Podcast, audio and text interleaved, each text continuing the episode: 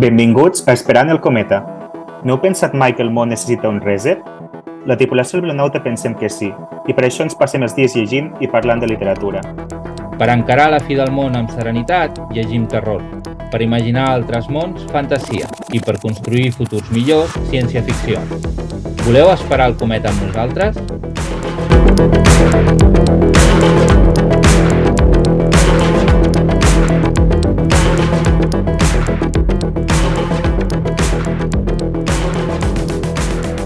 Benvinguts de nou a Esperant el Cometa.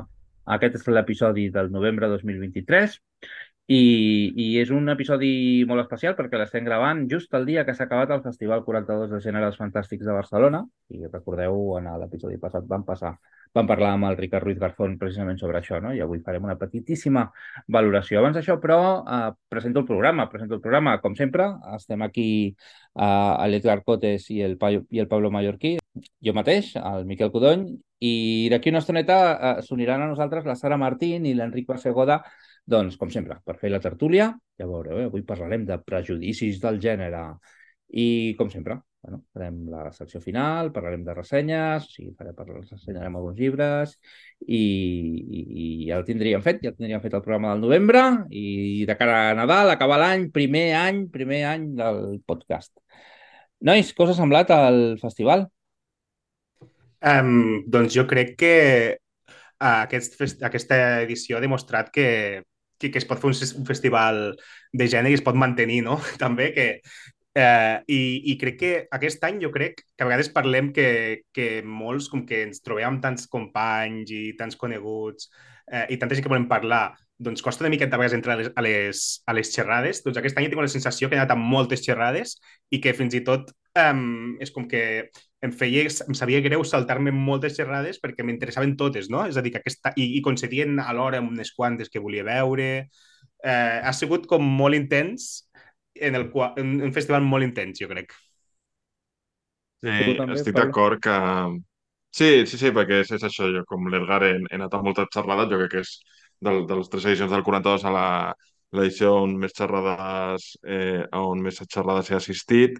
I això té molt de mèrit perquè és, bueno, clar, és subjectiu però per mi el, el Ricard Ruiz Garzón ha fet, bueno, pues ha fet un, una programació molt variada, amb noms molt tops, tant a nivell català com espanyol com eh, internacional, i com sempre jo crec que, que ha sigut un èxit, com ha dit el, l'Edgar, jo crec que hi ha hagut més, eh, bueno, més, més assistència que, que les altres edicions, això vol dir que, que el festival està creixent, a la Cot s'ha omplert de, de, bueno, de, de, de, de literatura, de lectures, d'amics i, i, i gent compartint el seu amor pel gènere fantàstic, que al final és el que més ens agrada, no? Està bé anar a, a, a xerrades, però el que volem és parlar de llibres i trobar-nos amb gent que, que té la mateixa passió per aquesta literatura com nosaltres. Sí, jo comparteixo totalment el que dieu i, i crec que el Ricard pot estar molt orgullós del que ha aconseguit amb aquest festival i del que està aconseguint i, i, estic segur que encara li queda el recorregut. Um, a més a més, és el que dius tu, Edgar, eh? és un, un festival que té tres, tres, itineraris paral·lels, sempre hi ha tres xerrades o tres activitats alhora que, que, entre les quals has d'escollir i tenia molt mèrit que sempre, a cada hora, almenys per mi, hi havia alguna cosa que, que, que m'interessava aquest any, en el meu cas, la, la, els astres s'han confabulat una miqueta en contra i he anat a menys coses de les que m'hagués agradat, no, no, no he pogut per, per raons X, però la veritat és que la sensació del que surto és que sí que hi he pogut dedicar temps i, i, i d'haver estat un festival molt intens. No? A més a més, que sempre ens retrobem amb gent que, que veiem de festival en festival però que ens estimem molt i que, que és una, una alegria. Um, què destacaríeu? Jo, ja que estic parlant, si i, i podem fer-ho, us diré que a mi, de les que jo he vist, la, la xerrada que més m'ha agradat és precisament una d'avui, que estava dedicada a la, a la recerca de la immortalitat o, o a l'endarreriment de, de l'envelliment i en la qual participaven el Ricard Soler, que és un investigador que a mi m'agrada molt, que, que estudia sistemes complexes, el Salvador Massip, que és sobradament conegut, la Carme Torres, que, que igual, vull dir, molt, molt, molt coneguda com a escriptora de ciència-ficció, i el Francisco Martorell Campos, que aquí en, en l'àmbit català potser no, no és tan conegut, però que és un escriptor d'assajos extremadament interessant. Té un llibre que es diu Contra la distopia, que, que, que està escrit en castellà, però que sens dubte recomano a qualsevol aficionat al gènere uh, perquè, perquè és un llibre super top de les millors lectures que, que vaig fer jo, crec que no sé si, si va ser l'any passat o fa un parell d'anys. I jo és la... Havent anat a poques xerrades, o sigui, almenys les que m'agradaria, mm, aquesta, sens dubte, encara que hagués anat a més, estaria en el meu top. També dic que nosaltres hem, hem participat en diverses, però bueno, això, clar, aquestes no les... Sí, sí, sí, és veritat. Uh, farem aquesta... Bueno, no és autopromo perquè ja ha passat, però uh, sí, sí, sí. tu, Miquel, uh, vas participar a la, a la... Bueno, avui que gravem, que és diumenge 12 de novembre, com has dit, has participat en, en la xerrada de podcast, parlant... bueno, parlant després del cometa, però parlant de... És que no sé si alguns ho sabeu, imagino que molts sí. El Miquel, el Miquel té dos podcasts més eh, el Neonostromo, on parles eh, amb l'Alexander Paez, també de literatura fantàstica i ciència-ficció amb ressenyes, i, és, eh, i l'Spoiler Club, que és una tertúlia que feu amb, sí. també amb l'Àlex eh, Paez, la Marina Vidal i el, i el Jesús Cañadas, també de literatura fantàstica, però en un format més de conversa, no? Sí. I això ho has tingut. En aquesta... Hem parlat sobretot d'aquest nostre d'ara, no? d'Esperant el cometa, però sí que hem dit coses de, del Neonostromo, de l'Espoiler Club i també fins i tot de Verdugos, que és el primer que vaig fer ah, fa anys, però, però sobretot hem parlat d'aquest, no? Sí, i també he entrevistat sí. a, la, a la de Hoffman i vam fer una taula de còmics que era una miqueta reminis... recordava una miqueta el, el, el capítol que vam fer aquí entrevistant el Toni Benages i el Ricard Tefa, que de fet hi eren, però també hi havia l'Arnau López Mazorriaga i la Montse Mazorriaga, que, que són dos autors de còmics mare i fill, que han fet un còmic que no està gens malament, de, com una mena d'ucronia. Bé, uh -huh. bé, bueno. I vosaltres sí, sí. heu fet la, la de manga, uh, no? manga i referents literaris, tots dos, que era, va ser una xerrada... La Isa Janis. Que em va agradar moltíssim. I, i què més heu fet? Mm, Només això, bueno, sí, sí Edgar, no? Només això. Sí, sí, sí, està. Eh, la de manga i anime. Amb la, que deia, com deia, que no sé si s'ha entès perquè just estàvem parlant a l'hora, amb la, amb la Isa Janis, una amiga nostra que també és molt experta en manga i anime, i és veritat que, tot i que la xerrada era de manga i anime i manga, anime i, i referents literaris, també era una mica, no una excusa, però volíem introduir amb això les novel·les de, de l'Edgar Un àngel cruel i de la Isa Regreso a Gaozu, que tot i tenir, tenir refer, eh, diferents referents, un dels, una de les influències de cadascú és el, el, el manga i l'anime, no? Molt bé. I quines sí, no, són les xerrades? Ex... Això, perdó, Edgar. I era l'excusa perfecta per parlar de fricades, no? Eh, en el meu cas, de les eh, xerrades que m'ha agradat més, crec que un dels pals de paller d'aquest festival, d'aquesta aquest, edició del festival, era el terror, perquè han tingut diversos autors molt interessants de terror i a mi m'ha interessat molt els que de fet me vaig comprar eh, el seu llibre, la xerrada sobre el, de Roger Luckhurst, en, en la qual eh, parlava sobre el, el gòtic en general, primer com a um, punt de vista arquitectònic, però també com a moviment cultural i tot el que implica, no? I també com lligat molt, i just després hi havia la, la xerrada del David Scal, que també és un, un assagista molt conegut de, del terror i crec que les dues xerrades juntes em van interessar moltíssim, sobretot per a aquesta teoria del terror que feien i, i, i em va interessar molt la idea del David Scal, doncs aquesta contradicció a vegades que, que, que el terror eh, es, eh, es pensa com un gènere com molt introspectiu de, de parlar del trauma i tot plegat i, i com molt, molt més progressista del que sembla i després potser s'acaba malinterpretant i aplicant amb, amb coses tan boges com, com el QAnon i el Pizzagate i totes aquestes qüestions que em va semblar molt interessant aquesta, aquest aspecte. Aquesta me la vaig perdre, però m'interessava sí. molt. Jo pues, eh, coincideixo, la veritat, amb l'Edgar. Aquestes dues per a mi també van ser eh, punts forts del, del festival. Eh, de fet, de, del David Escal jo em va agradar tant la seva xerrada que em vaig comprar. Ja, te, ja feia temps que volia llegir alguna del David Escal perquè és un assagista fonamental per, per, per parlar del gènere de terror. I vaig comprar la seva biografia de Bram Stoker, que es diu Algo en la sangre, que la veritat que és una mica totxo, però que tinc moltes ganes de llegir-la. I per mencionar altres Sí, ja us diré perquè la veritat és que la va vendre molt bé la xerrada i, i a mi el Bram Stoker és un personatge, i en general d'aquesta aquest, Anglaterra victoriana on va haver-hi molts uh, uh, autors de gèneres fantàstics uh, m'interessava bastant. Uh, jo crec que més enllà d'això, a mi em va agradar molt la xerrada de l'Anne Leckie i la Cat Rambo, que són dues autores, malauradament, que estan uh, inèdites en català. L'Anne Leckie sí que ha estat traduïda al castellà la seva trilogia més eh, famosa, que, que comença amb Justícia Auxiliar, i de Cat Rambo tenim només unes, una antologia de relats per la màquina que hace Pink, i res, era una xerrada de, de ciència-ficció, de la seva ciència-ficció, de com entenen elles la ciència-ficció, molt space opera, molt, molta passió pel gènere i sobretot es notava una, una química, perquè són molt amigues, que, que vam gaudir molt de, de la xerrada i, bueno, per exemple, Mariana Enriquez també, que és una rockstar i sempre és un plaer sí, escoltar-la sí, sí. parlant d'anècdotes sí. i de la, seva, de la seva literatura. Molt bé. Sí, perquè no mati el menut, eh, sí que Cat Rambo la tenim edita amb contes només, que et traduïs a la catarsi. És veritat. A la catarsi. Però sí, sí, perquè si no després ja coneixen tots el menut, no? el, el, el Pablo ha dit que s'ha comprat el llibre de l'Escal. Tu, tu t'has comprat algun, Edgar? Sí, el, el llibre de Gótico del Roger Lockhurst. Ah, no he comprat res més, perquè ja tenia alguns que ja comprats o el que sigui, però de fet ja tinc encara esperant mm, amb moltes ganes el de Nostra parte de noche, però clar, és un llibre de 700 pàgines mm. i t'hi has de posar t'hi has de posar bé, t'hi has de ah. posar ah. bé. Tinc ganes de trobar el moment. Jo he comprat dues novel·les, la de la Marina Tena de Nos devoró la niebla, que l'ha publicat Insòlita, i, i el del Víctor Sellers, Fantasmes de Verde Jade, que l'ha publicat um, que l'ha publicat Obscura, perquè bueno, tots dos van guanyar un, un dels premis 42 i, i la veritat és que em, cridava, cridaven molt l'atenció. El de la Marina Tena feia temps que la volia llegir, el del Víctor Selles em va convèncer a la presentació, diguem. Som els millors podcasters en català i hem comprat només novetats en, en castellà.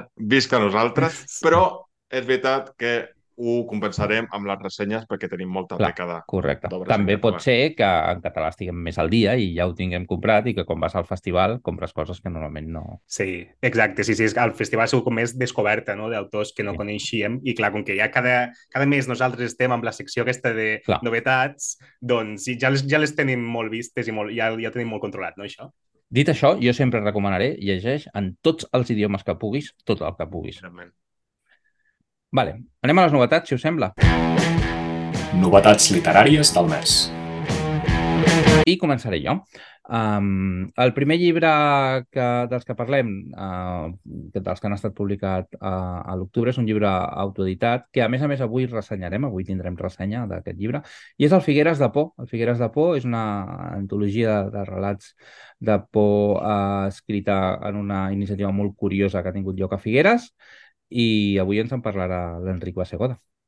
La següent novetat és, és un llibre que publica l'Arcà, eh, L'amant del diable, de l'Elizabeth Bowen, amb contes que són contes escrits als anys 30 i 40 i són contes de gènere fantàstic de terror i, i l'Elizabeth Bowen és una autora que, que es va... Que es va um, um, perdó, amb traducció d'Eulàlia Lledó, no ho he dit. Uh, és, és una autora que, eh, que es, relaciona, es va relacionar molt amb el món de, eh, anglès, la literatura anglesa de l'època, com, com per exemple Virginia Woolf, i són uns contes amb una gran força simbòlica i amb temes tan candents de la seva època com la guerra, les relacions familiars i fins i tot eh, l'existència mateixa. Hola, doncs una novetat molt especial del mes d'octubre és la del nostre estimat company Edgar Cotes i es tracta de la seva nova novel·la Un àngel cruel, eh, publicada per Espècula que puc dir, a mi m'ha agradat molt. De fet, crec que en parlarem més endavant al programa, però només dic que és una novel·la de terror de cases encantades que passa a Lleida, que té un estil molt interessant i que tracta temes eh, socials i de naturalesa humana que no deixen indiferent. Jo també la recomano molt i, i serà ressenyada en aquest programa. Següent llibre, següent llibre eh, l'ha publicat Esfàbula, ja l'havíem esmentat en un altre programa, però, però ha estat publicat ara a l'octubre, i es tracta de El món lluminós i altres textos de la Margaret Cavendish. D'aquest llibre ja n'hem parlat, eh, però d'una altra edició, sobretot. Doncs ja n'hem parlat amb l'edició que em va treure Donar llibres. Aquesta l'ha tret Esfàbula, ja hem dit, no? I, i, i val la pena eh, fer-li una ullada a les dues edicions. Aquesta és una mica diferent, té alguns altres textos, té inclou relats, i a més és una edició crítica a, a càrrec de Maria Antònia Martí Martí Escallol, que té una introducció àmplia que té molt bona pinta. Jo crec que, que en els clàssics a vegades està bé comparar edicions diferents i aquesta pot valer molt la pena. Un altre llibre d'Esfàbula, que aquest, que aquest mes uh, ha anat forts en publicar llibres de gènere, uh, que és en aquest cas una antologia a cura del Víctor Martínez Gil, que ja el coneixíem d'altres antologies, um, per exemple, la que va publicar amb, amb Galaxy Gutenberg, um, i en aquest cas és d'una terra més enllà, històries catalanes sense ficció durant la Guerra Freda i el franquisme. I, i, i llavors amb aquesta antologia doncs, en recull doncs, tots aquests res que no tenim tan coneguts de, de, entre, quan ja ho diu, entre els anys, ja ho diu el títol mateix, entre el, els anys 40, escrits entre els anys 40 i la fi del franquisme, no? I tenim autors, alguns molt coneguts i alguns no tant, com per exemple Joan Oliver, Antoni Rivera, Pere Caldés, Jaume Cabré, Ramon, Ramon Pérez Pujol, Mario Giget, etc. És una, és una oportunitat per anar descobrint coses que el cànon eh, autors que el canon ha oblidat, no? I que ha descrit fantàstic en català. I no han anat forts, no? Han anat fortíssims, perquè seguim amb Esfàbula, que també ha publicat Una dona amb tres ànimes i altres relats futuristes um, de la Rosa Rosà. És una escriptora italiana, no? és un llibre publicat originalment el 1918 i que es considera un clàssic de, de la literatura de ciència-ficció en la tradició italiana. Um, bueno, parla de feminisme, parla de... Jo crec que té molt bona pinta, és un llibre del qual jo, jo no, en sé poc encara, vale? inclou relats i a mi que la ciència ficció clàssica m'agrada i la tradició italiana la conec poc, doncs m'interessa particularment.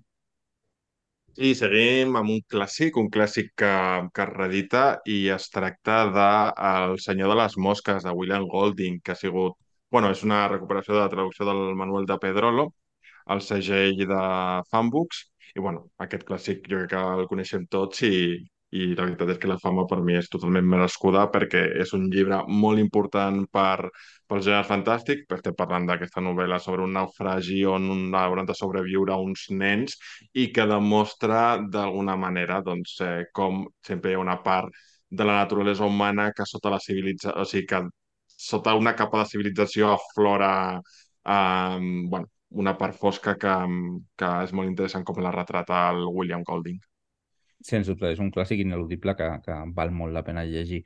Jo vaig a més llibres, vaig a més llibres eh, amb un llibre de relats, de nou, que es diu Succedanis d'Eternitat, eh, d'un autor al qual jo li tinc molta estima, és el David, el David Galvez. David Galvez escriu des d'Andorra, escriu en català, havia publicat fins ara, sobretot amb, amb, amb Males Herbes i és autor d'una de les meves novel·les preferides, novel·la breu, res és real, uh, de ciència-ficció en català.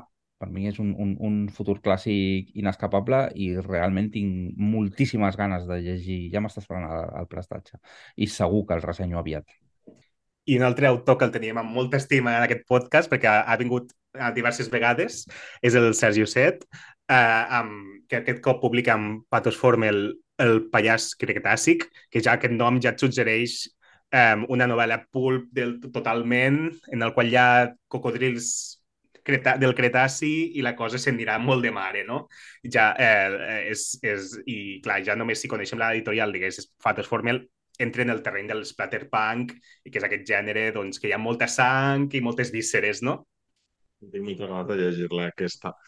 Uh, seguim amb, amb un estil una mica diferent. Uh, S'ha publicat aquest octubre La mort del rei Artús, que és aquesta obra anònima de la, bueno, del, de la, de la, del cànon artúric, no? de, de les llegendes del rei Artús, uh, ha estat eh, traduït i, i comentat, bueno, i editat perdó, per la, per la Lola Badia, que és la principal experta a Catalunya sobre literatura medieval. És un clàssic del segle XIII, és anònim, com deia, a francès, i res, és una de les obres importants d'aquest cicle i jo sóc, la veritat, bastant fan de, de, del rei Artus, no sóc un gran expert, però sí que de tant en llegeixo obres com les del Cretien de Troyes i, de fet, jo crec que en algun moment intentaré convèncer, alguns estan ja una mica convençuts, de fer algun especial sobre el rei Artus i la seva influència a la, la literatura fantàstica. Compro, compro, compro del tot. Um, però abans de comprar uh, vaig al següent llibre. Uh, en aquest cas és L'alè dels llaurats del Toni Mata.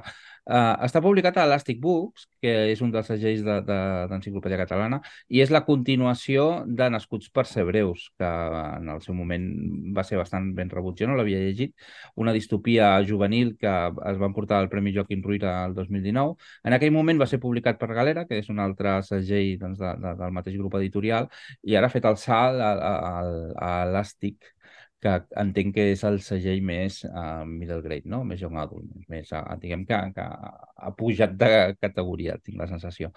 I sense haver llegit el primer no puc valorar gaire el segon, però si us va agradar el primer, aneu pel segon. I per acabar, tenim un, una novetat que, que costa de, de trobar coses així, d'assaig en català sobretot, i d'assaig de gènere encara menys, com, com és Les bruixes es pentinen, que agafant aquest títol de la, de la típica cançó del Plau i fa sol, el Joan Soler i la Rosi Pubill et, et, et presenten un assaig que, en el qual t'expliquen les relacions de la bruixeria amb la mitologia, la literatura, les creences i la religió i sobretot de la bruixeria en el nostre país. No? I, és, I és un assaig que tinc ganes de llegir perquè, perquè és un tema que m'interessa molt i sobretot aquí, que, que som terra de bruixes, no? Catalunya. I, I ja passem a la secció de còmics, uh, un còmic que tenia moltes ganes que sortís perquè feia, eh, és un còmic publicat als, als anys 80 al Japó, però no havia arribat aquí fins ara, no? ni en català ni en castellà, i que és del, ni més ni menys que el Hayao Miyazaki, amb El viatge de Shuna, en el qual ens trobarem una història. És, és un... De fet, ja l'he llegit i m'ha flipat. És meravellós, us recomano des d'aquí i, i està, eh, és un còmic amb, pintat amb aquarela i en el qual t'explica una història ambientant al mateix món, si heu vist la pel·lícula de Nausicaa en el vall de, a la vall del vent, i en el qual t'explica la història de, de Shuna, que viu una terra erma i hostil i ha de passar i, i haurà de fer un viatge doncs, per poder salvar la seva terra doncs, de, la, de la desolació, no? Sí. Ah, jo tinc molta de llegir-lo. Vull comentar que em sembla una anècdota molt interessant. Ha sortit a, més o menys alhora, no només en català, en català i en castellà, sinó en altres llengües eh, eh, d'Europa, com en francès i crec que també en alemany. I ha sortit ara, i a més a més, en aquest cas en castellà i en català, Salamandra, perquè a l'Estudio Ghibli, que és eh, aquest estudi que, del qual forma part la Hayao Miyazaki, va decidir que volia eh, que sortís en un segell, una editorial, que no publiqués manga com a, com a producte principal, sinó eh, còmic més generalista, que volien, no volien quedar sepultats en, entre, el, bueno, entre altres productes de manga. A mi em sembla una, una cosa una mica estranya perquè al final, tot i que Salamandra no publiqui gaire manga, al final a les llibreries estarà la secció de manga igual d'inundada la novetat amb la resta de novetats, però bueno, crec que era curiós comentar-ho.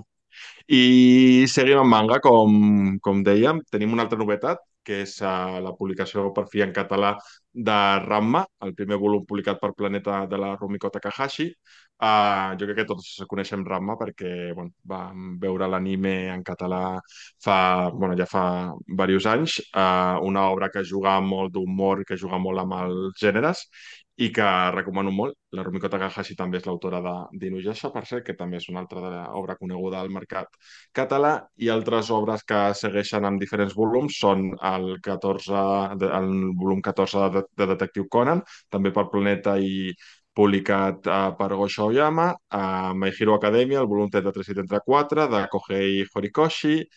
Per una altra part, Norma segueix amb Jason Man 12, que és per ser el 12 és el primer volum del segon arc del, del, de la sèrie i que, mm, bueno, que ja feia temps que teníem ganes de continuar, del Tatsuki Fujimoto, Jujutsu Kaisen, el volum 12, de Gege Akutami, Guardians de la nit també el 12, la veritat és que les, els tres shones que es publiquen en català van al mateix ritme, de Koyoharu Gotooge, i Panini eh, ens publica el volum 3 de Berserk, de Kentaro Miura, un manga de fantasia fosca adult que no he llegit, però que segurament acabaré llegint aviat.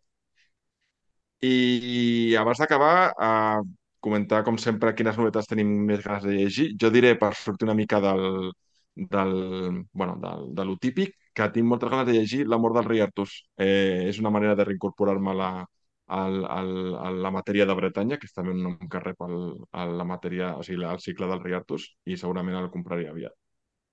Sí, jo també li tinc moltes ganes. De fet, amb la Laura de la tindré professora i, i sobretot i ens va fer com un minicurs de literatura artúrica i, i, va, i, va, i va, ens va transmetre la seva passió per això i, i, i, em, i, i em va donar, em dona moltes ganes de llegir a, a, a aquest llibre, no? I també per, a, uh, per afegir uh, per afegir-ho, uh, tinc moltes ganes de llegir... És que ja, clar, podria dir que ja, ja tenia moltes ganes de llegir el de Miyazaki, eh, també he llegit ja el del David Galvez, que té alguns contes molt guais, i, però també tinc ganes de llegir aquesta antologia del uh, Víctor Martínez Gil perquè crec que és una bona forma de conèixer la nostra literatura, no? Mm -hmm. Jo diria els mateixos que ha dit el, L'Edgar, canviant potser una mica l'ordre, bueno, Succedències d'Eternitat encara no l'he llegit, és el que més ganes li tinc o el que més pressa tinc per llegir. Tinc molta curiositat per la mort del rei Artur. Jo m'havia llegit algunes de les novel·litzacions que feia el Bernard Cromwell de, de, sobre aquest que té una tradició de novel·la històrica molt basada en això i que m'agradaven molt en el seu moment, però me'n faltaven moltes per llegir. I tinc curiositat per, per el material aquest. Um, i el del Martínez Gil, l'antologia aquesta pot ser molt curiosa. De fet, tinc ganes de llegir alguna d'esfàbula per veure, perquè trobo que estan traient un tipus de llibre que a mi em crida molt l'atenció i que per entendre una miqueta l'evolució del gènere eh, és interessant. I m'agradaria fer-li una ullada a l'assaig de les bruixes. I ja està.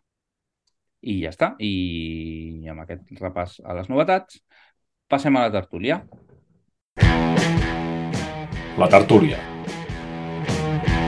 Molt bé, doncs seguim amb la tertúlia d'aquest programa de novembre. Com ja us hem apuntat al principi, tenim dos convidats, dos biblionautes que s'han afegit a, a aquest mes.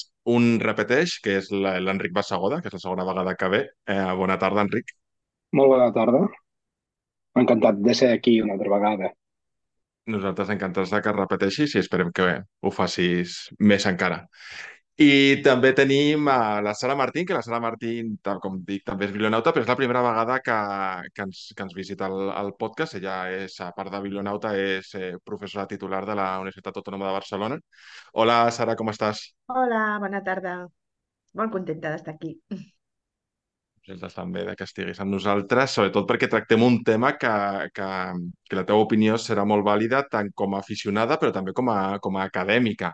La, el tema és el, els prejudicis als gèneres fantàstics. Com, com a aficionats no, de, de la literatura de, gènere, de gèneres fantàstics, sabem que històricament aquesta, aquest tipus de literatura ha tingut prejudicis i ha sigut considerada o directament infraliteratura o, si no, de baixa qualitat o escapista, no? que és una paraula que, que s'ha fet servir molt per, per parlar de, de, de determinada literatura i restant-li valor no? amb aquesta idea d'escapista.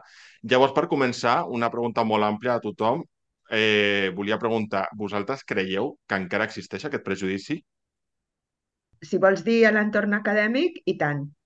Hi ha estructures, però són estructures que estan arribant molt lentament en el nostre cas a Espanya i a Catalunya, i que, perquè ens fem una idea, doncs, els països anglòfons porten en marxa des de, diguem, finals dels anys 70, inicis dels anys 80. Però sí, sí, els prejudicis són immensos. I, i en l'àmbit literari, diguem, general, com a consumidors o, com a, o dintre del món editorial i això, a tu, per exemple, Enric, què et semblaria?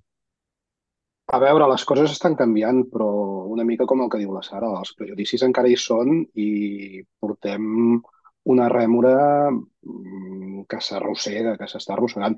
Les coses canvien, les coses estan canviant, però per un costat costa i per un altre eh, sí, també hi ha, eh, es va veient el, el canvi, no? Sí que hi ha una, una voluntat de, de, d'anar més enllà, d'acostar-se més, de, de, de, de, que tingui més presència, però tot i això costa.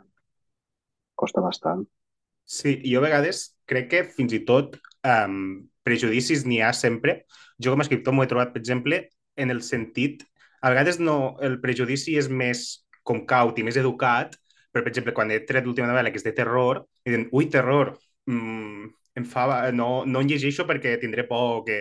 És com que a vegades el prejudici xoca molt amb el desconeixement del gènere, no? És com que hi ha, hi ha un volum molt gran de, la, del, de lectors o, de, o simplement de consumidors en general de, de gèneres um, ai, d'audiovisual o etc que ja, que ja, ja certs gèneres els hi fan com respecte i com que el, el tenen com, com prohibit, no? O com, com que, o com que no, és una frontera que no poden saltar. Molt ràpidament sobre el que deia l'Edgar eh, amb aquesta última novel·la, que és Un àngel cruel, per ser que us recomanem a tots que, que llegiu i que compreu. Uh, he vist alguna crítica que et feien, es comentava, és terror, però parla de temes com la depressió o com el bullying. Com fent aquesta que, que no, no ho fan com explícit, però sí que volen dir com, com que és eh, un, una adversativa, no? de dir és terror, però tracta això, no? com si el terror a priori o el terror en general no pogués tractar temes importants de, de la naturalesa humana. No? Això demostra aquest prejudici. Sí, sí, a l'hora de vendre-ho fins i tot. És com que, que, que tu has d'anar amb compte de no dir sempre que és terror o que és de que és gènere, saps? Per, a segons quin públic tens, perquè et juguen en contra, no? Hi, hi ha la frase aquesta que a mi em molesta una mica a vegades i que, i que a vegades la fem servir diguem, la, la gent que tendim a ressenyar de transcendeix el gènere, no? Com dient eh, que, aquest és, que aquest va més enllà i, i que en realitat no té per què. De totes maneres, jo sí que penso que, que pot, que segur que el prejudici encara existeix, segur també, o si més no és la percepció que jo tinc que, que va canviant poquet a poquet, potser per un efecte generacional mateix, eh, de, de, que això ja, ja ho parlarem.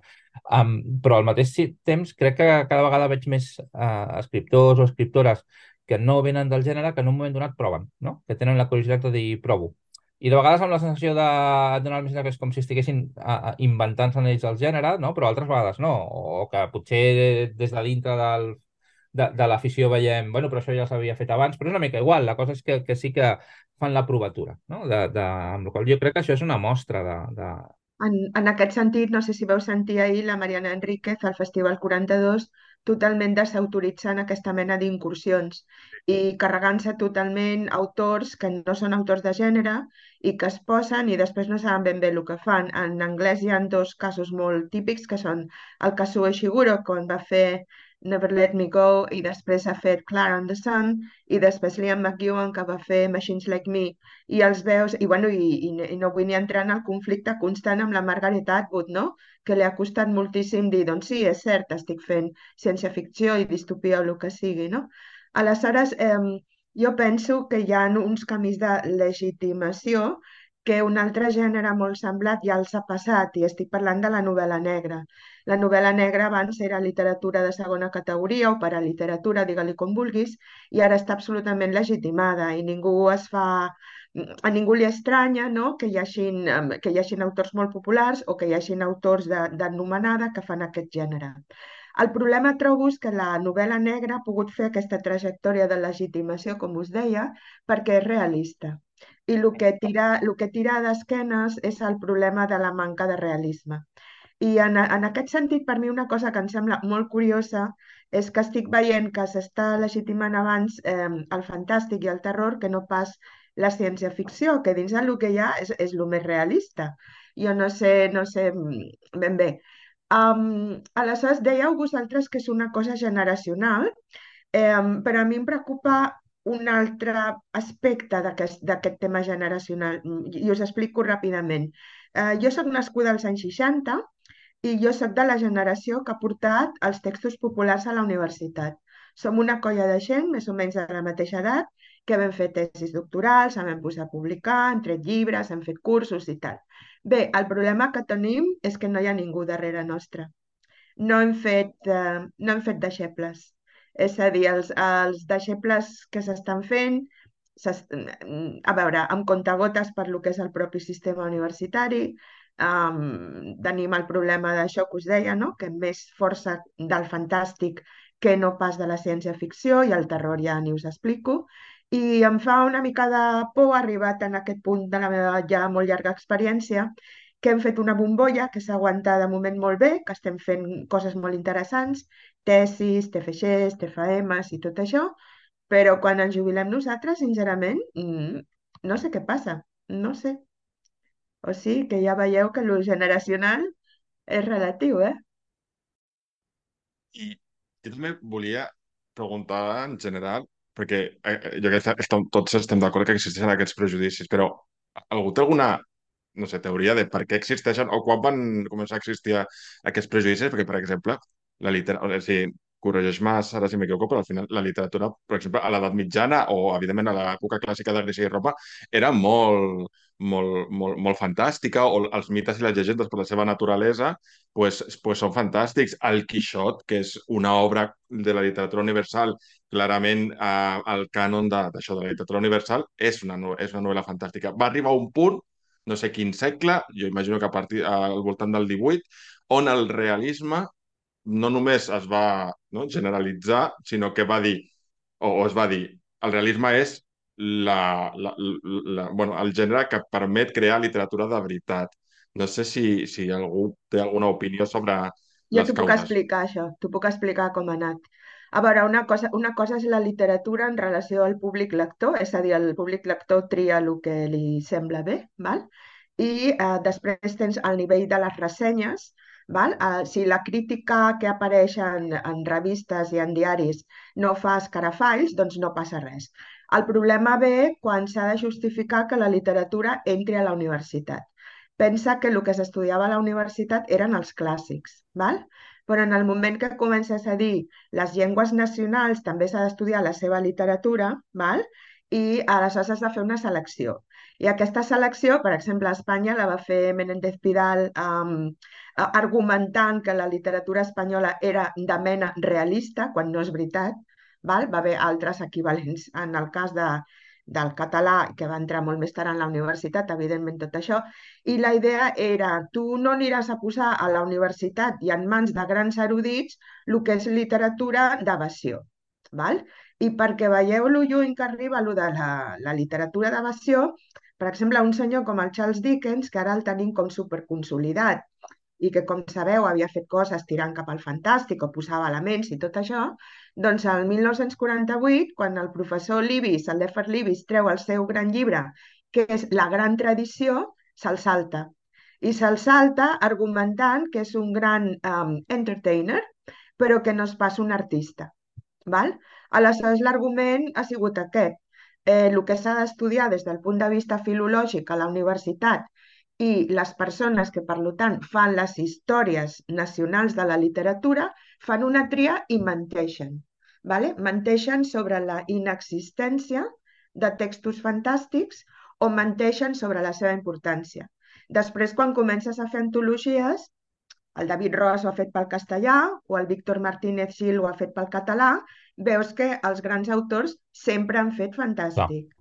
Val? I per tant, hem viscut amb la mentira interessada de no, no, no, aquí, eh, escolta, tot, la literatura ha de ser seriosa, res d'escapisme, vale? perquè és el que paga la pena estudiar, fins que, ja t'ho dic, vam arribar a la generació eh, que va picar la porta als anys 90 i va dir eh, voleu dir que és això, així? i estem amb aquest dubte. Mm? La, la banda perversa de, que té, tenia el poder de fer un cànon, no? Totalment. És, és que ho has dit, és això. És això. Ah, clar, a, a, aquest prejudici, clarament, com estàs dient, té aquest punt del cànon i del món acadèmic, però el lector més, més mainstream o, o el, sí, bueno, el, el lector més normal, fins i tot que no és un lector que diguis que vol clarament tenir moltes pretensions literàries, també té aquest, aquest prejudici, no? A, a, si llegeix, per exemple, thriller, molts també que llegeixen thriller, com dius, com és realista, Sara, molta gent pensa, bueno, és realista, per tant, puc llegir això, però quan entra la ciència-ficció i la fantasia pel mig, de sobte molta gent també que són gent normal, que, que llegeix de manera normal, també tenen aquest prejudici. I els joves no sé si ho tenen, per exemple, Enric, tu ets professor de, de secundària i per tant estàs molt a, en contacte amb, amb, amb, amb joves lectors i tu ets, evidentment, un gran lector de, de, de, de gèneres. Com veus aquesta evolució del prejudici entre els lectors normals?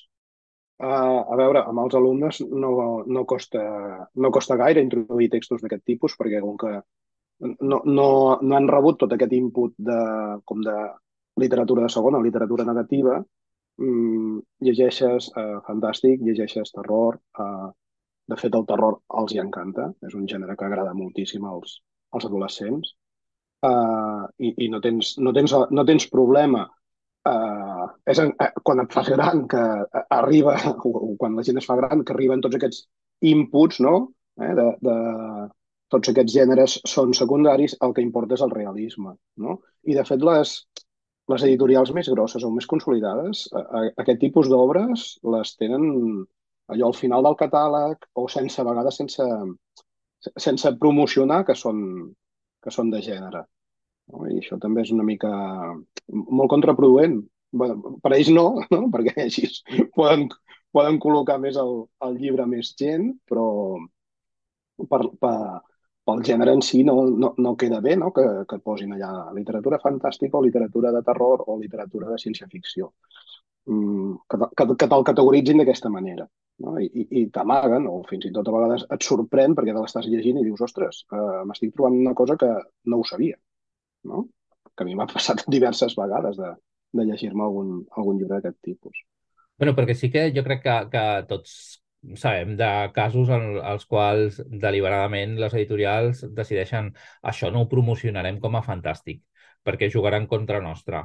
En canvi, ho promocionarem com a novel·la d'un altre tipus i, i, i la gent que s'ho trobi, no? I, I moltes vegades funciona, vull dir que, que diguem, hi ha una mena de reforç positiu per fer això, perquè després comercialment el, el, el, té, un, té un rèdit, probablement, no?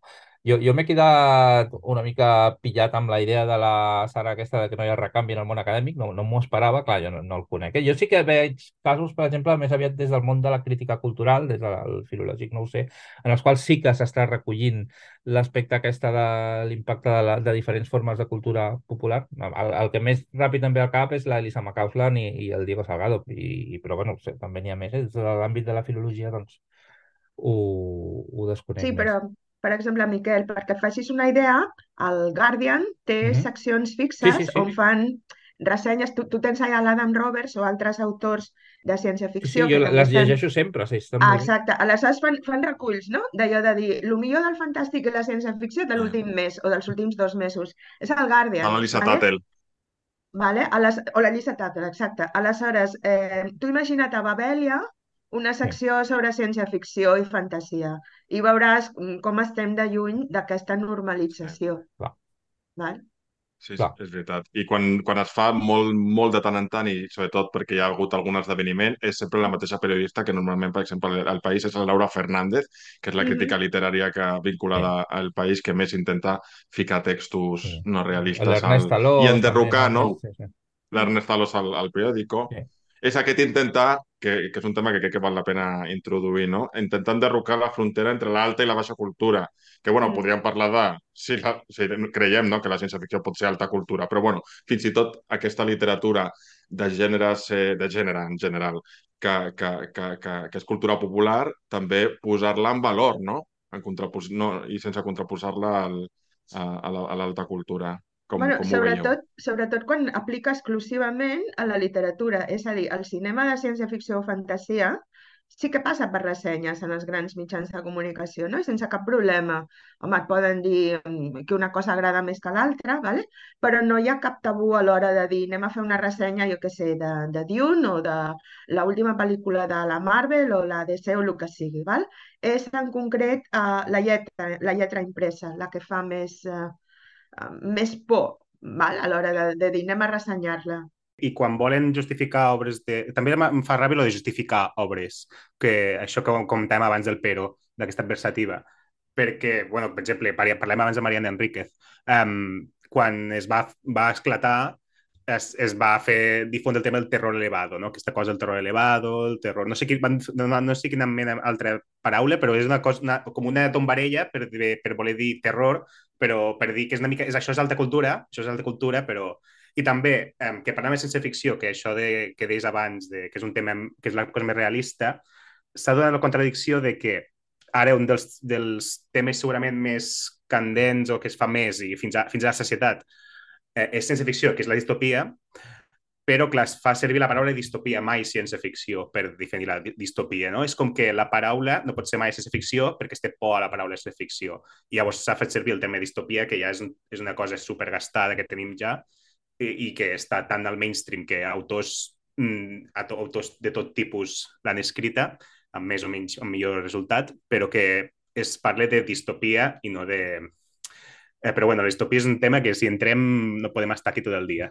Però fixeu-vos que, i, i jo crec que hi ha una paradoxa a vegades que, que en, el, en el que deia, per exemple, el, el que dius tu, Sara, de, del cinema, no? que, que directament Dune o, o El Senyor dels Anells fa un temps que, que tenen molt èxit i que, i que són pel·lícules que a mi m'agraden molt, a part, i que, i que aquests sí que tenen ressenyes. Curiosament, com a argument legitimador es fa servir des de la premsa que estan basades en el Dune del Frank Herbert, no? Llavors sí que es parla del llibre com si fos una, una, una cosa que li dona qualitat, no? Però, en canvi, el, és només... És, és com el que passa a vegades a, a Catalunya o a Espanya, que a un escriptor o una escriptora se li fa cas quan ha triomfat a l'exterior, no? Pues aquí passa una miqueta el mateix. O sigui, es fa cas del llibre quan ha estat legitimat per una pel·lícula, però llavors és com si se li donés la volta a l'argument. No sé, és una mica... Sí, no, i, i a veure, també hi ha molta, molta hipocresia, eh? A veure, jo t'explico. Eh, no només hipocresia en els mitjans de comunicació, fins i tot en els propis, propis estudiosos. Mm, a veure, aquests, he estat escrivint un, un text sobre el dolent de la sèrie de The Expanse, ¿vale? sobre l'admirall Duarte, que m'interessa molt la figura del dolent i he estat escrit, escrivint. bueno, pues m'he trobat que ja existeix bibliografia sobre la sèrie de televisió però, clar, és més fàcil veure la sèrie de televisió que consumir nou novel·les més el volum de contes. ¿vale? Aleshores, dins del propi món acadèmic hi ha més la tendència a dir ah, me'n vaig cap a l'audiovisual perquè en el fons dona molta menys feina saps? Que encarar una trilogia, una tetralogia, una sèrie llarga i tot això. O sigui, la lectura, insistiria jo, és el que està més desprestigiat. És a dir, la gent no té cap problema en llegir obres llargues i tot això, però clar, els que fan crítica no es posaran a llegir una trilogia, a no ser que ja siguin fans ells mateixos, i els estudiosos estic veient i m'està preocupant molt també que van a lo més fàcil, saps? I no, amb la qual jo no sé en quina imatge totalment esbiaixada ens quedarem en el futur de lo que està passant ara. Eh, a més a més, a vegades es parla això, no, de, ah, és que les trilogies com una cosa que menyspreu a la literatura fantàstica, com pot ser, per exemple, una obra capdalt de la literatura universal, com és A la recerca del temps perdut, no fossin set novel·les.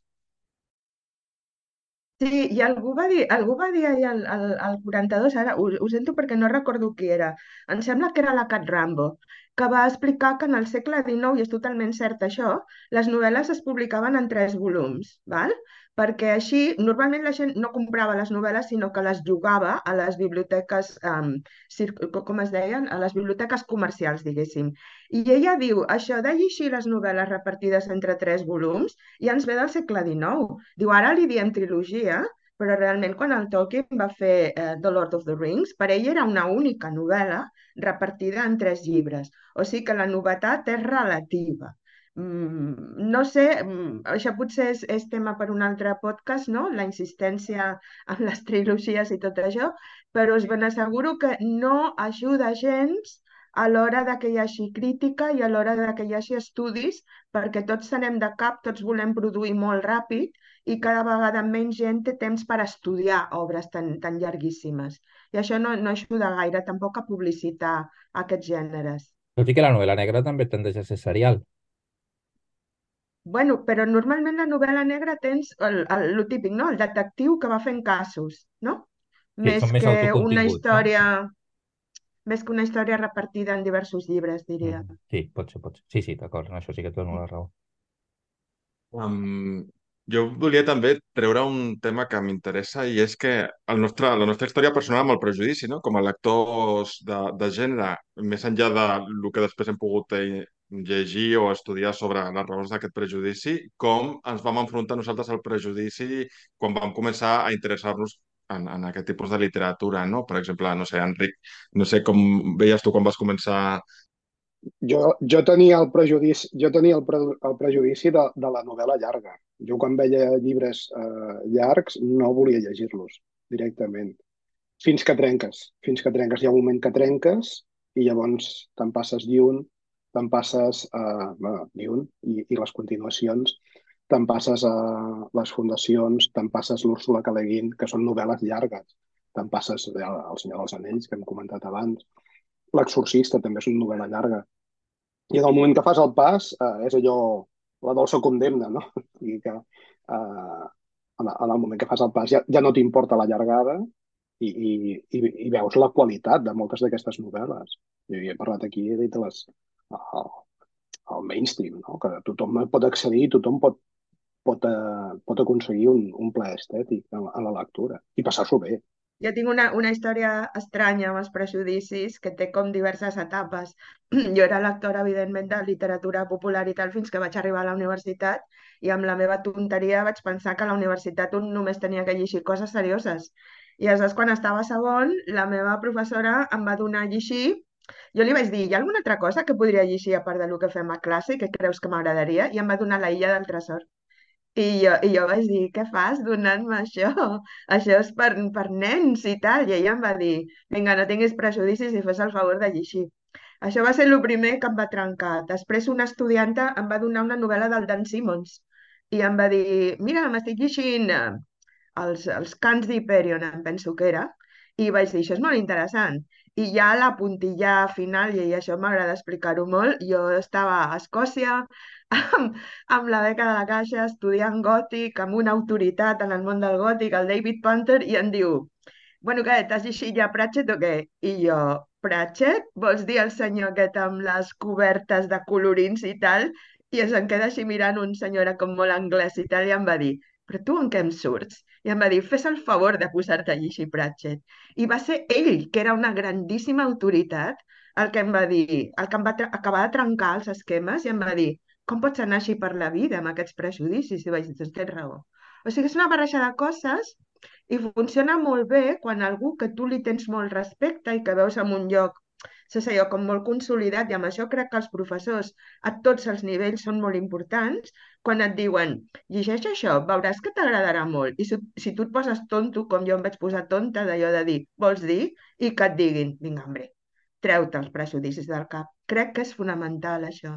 Um, jo crec que el prejudici me l'he trobat um, primer de, per, de, per part de ma mare directament perquè era el típic que miraves una pel·li sense ficció i deies, hosti, quina cosa més rara, treu això però com que, com que ja com a lector juvenil, a la meva edat, les coses que estan de moda eren Harry Potter, eren Jocs de la Fam, era tot això, com que ja com a juvenil ja era, estava envoltat del gènere i vaig fer com el salt, com que vaig voler llegir coses més així, ja vaig fer el salt a llegir Leguin, a llegir Asimov, a llegir um, Bradbury, i, i, i quan ja era una mica un lector més adult ja me vaig trobar ja els prejudicis, però ja, ja havia descobert com que això que és una tonteria el que estan dient perquè és bona literatura, doncs prejudicis me l'he trobat ja com a, com a, com a, potser més com a combatiu, no?, contra ells, més que, més que superar-los amb mi mateix. I, i, i no us sembla que potser la ciència-ficció o, o el conjunt de gèneres fantàstics, eh? però jo penso ara en la ciència-ficció i sobretot en la ciència-ficció de determinats tipus, que The Expanse potser és un bon exemple, eh, realment presenta una sèrie de barreres d'accés per la persona que no està basada a, a, a llegir aquest tipus, no? Vull dir que no, no dic que estigui el prejudici exactament justificat, eh? però ciència-ficció d'evasió n'existeix. Uh, en el seu origen, la ciència-ficció en el palp, a mi m'agrada, però entenc que literàriament té limitacions importants. No? Llavors, sí, hi ha exemples n'hi ha que sí, hi ha, hi, ha, hi, ha, hi ha escriptors molt bons i hi ha escriptors molt dolents, com a tots els altres gèneres d'altra banda. Però uh, té, té la barrera d'accés a aquesta... O sigui, necessita un manual d'instruccions més complicat, diguem, per dir-ho d'alguna manera, no? Perquè, no, no només perquè no sigui realista, que també, sinó que és molt poc realista en el sentit de que el ball binding moltes vegades és complicat, no? Has de, has de saber coses. Llavors, jo puc entendre que hi hagi certa dificultat uh, afegida, no? I d'altra banda, bueno, prejudicis ens tenim tots. Jo, per exemple, jo tinc prejudicis envers la novel·la romàntica sense haver-ne llegit, no? I, i, i deu haver-hi novel·les meravelloses, no, no tinc el més ni mínim dubte de que existeixen. Però d'entrada, jo no m'hi aproparé. Si alguna persona amb criteri que confio em diu no, no, no, aquesta llegeix-te-la, me la llegiré i, i, i sense cap mena de problema, però dic que tots funcionem amb un grau més o menys elevat de prejudici. És ser conscient. Miquel, jo crec que en aquest sentit el prejudici és més cap al mercat de la literatura de gènere que no pas al gènere en concret, no? perquè al final pot ser que podem pensar no, que hi ha gent que pensa no, que, que tal com està repartit el, el mercat literari editorial, els gèneres són aquest, no només els gèneres com a gèneres, sinó al anar a una llibreria on hi ha la secció de literatura de ciència-ficció, literatura romàntica, pots pensar que hi ha una certa estandardització per, en funció dels interessos de, no del mercat, no? En plan, si el, si el mercat demanda més determinada, determinada literatura, de, bueno, demanda més, vull dir que si tenen èxit determinades obres de, de literatura romàntica, jo què sé, pues, per exemple, en el juvenil, el, la novel·la romàntica de tema LGTB, pues, ara mateix és nínxol de mercat. Llavors, això pot generar la idea de que al final es fan obres pensant en, en, bueno, en, en omplir aquest, aquesta, aquest nitxo del mercat. Però la literatura romàntica al final no és només el que es ven com a literatura romàntica, perquè hi ha obres de la literatura universal, eh, molt prestigioses que són literatura romàntica. Javier Marías, que és un escriptor espanyol eh, dels més importants dels últims anys, ha escrit un munt de novel·les romàntiques. Los enamoramientos, que jo l'he llegida i em va agradar, que és una novel·la que va escriure fa uns anys i va tenir molt d'èxit de crítica i de públic també, és una novel·la romàntica i a vegades fins i tot una mica cursi. Llavors, al final, catalogar, que és un tema també que podem tractar, la diferència entre què és un gènere i catalogar una novel·la com un gènere. La Sara ho deia abans, hi ha escriptors que han escrit literatura de gènere, però no han volgut la catalogació. Margaret Atwood, que, que ha sortit abans. Jo entenc per què ho fa la Margaret Atwood, perquè la Margaret Atwood creu o veu que té possibilitats d'accedir a un reconeixement i a uns premis que, coneixent el prejudici de la ciència-ficció, és millor amagar aquest, aquesta etiqueta per tenir encara més possibilitats de tenir aquests premis o aquestes, aquest reconeixement. Però, clar, al final és això, és, és pervers. Sí, tu com a, i tu com a lector de fantàstic, a vegades tens la típica pregunta que rebem tots, plan, vull introduir el gènere fantàstic, què em recomanaries, no? I, i, i llavors comences a, a dir, què t'agrada, no sé què, i comences a dir noms i dius, hosti, però això és gènere fantàstic. Diu, què, què t'agrada?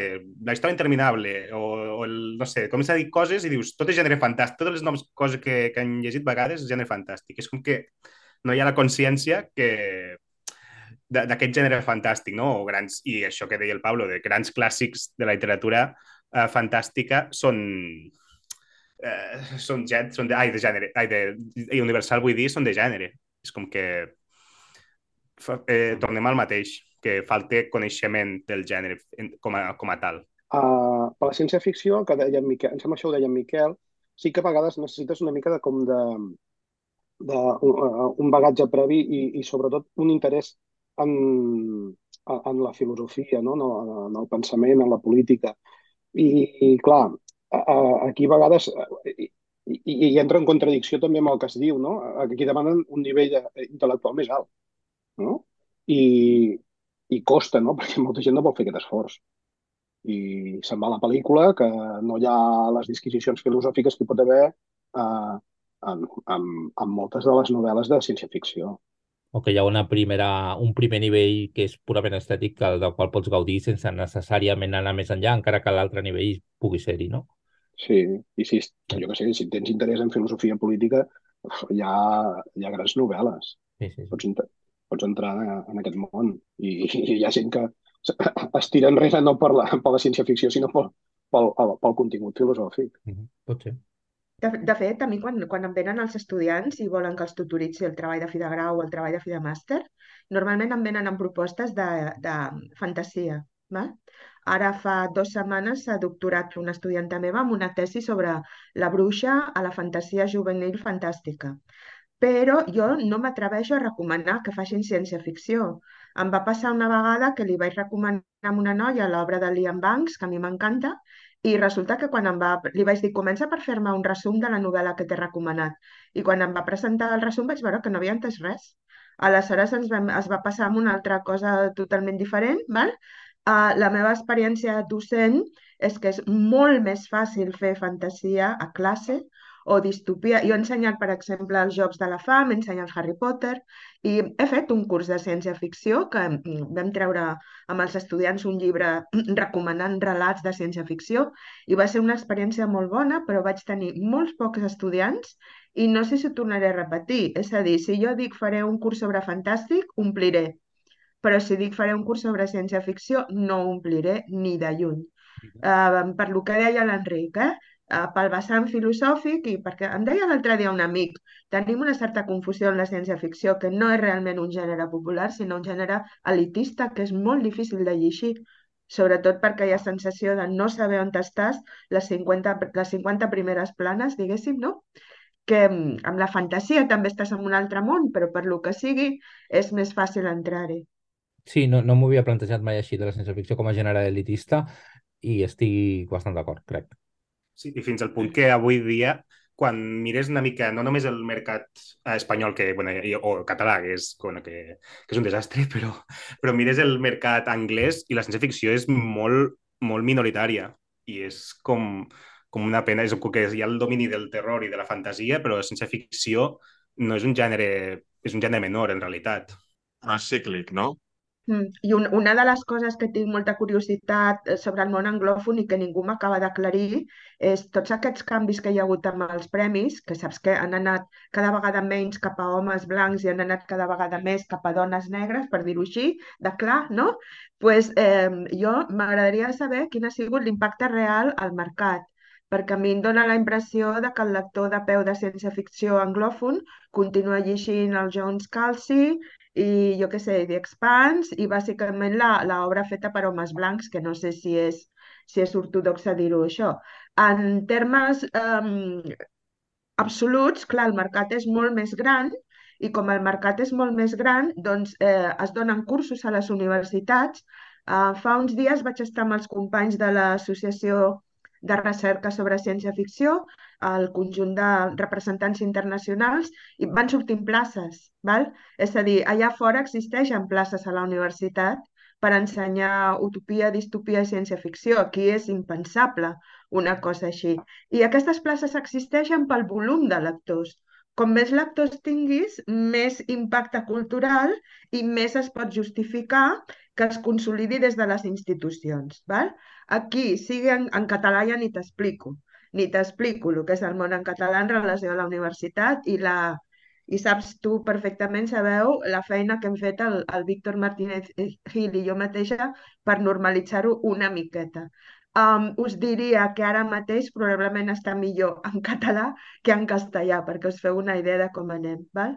És a dir, la pressió que poden fer els autors i els lectors de ciència-ficció perquè la cultura oficial a Espanya i a Catalunya s'interessi és mínima, absolutament mínima. El món anglosaxó és algo més gran, però tampoc tirem coets i, és, i estem en aquest punt. És interessant eh, lligar això amb un tema que, que, bueno, que, que passa sovint i és els autors de, del Fantàstic que sí que han rebut aquest reconeixement de crítica i s'han inserit al cànon i de quina manera uh, aquest, aqu aquesta literatura es continua percebent com a fantàstica o es decideix camuflar-la dintre de la crítica i del món acadèmic com una altra cosa. Per exemple, autors clarament que són de gèneres fantàstics i que, i que són de la, estan al cànon de la literatura.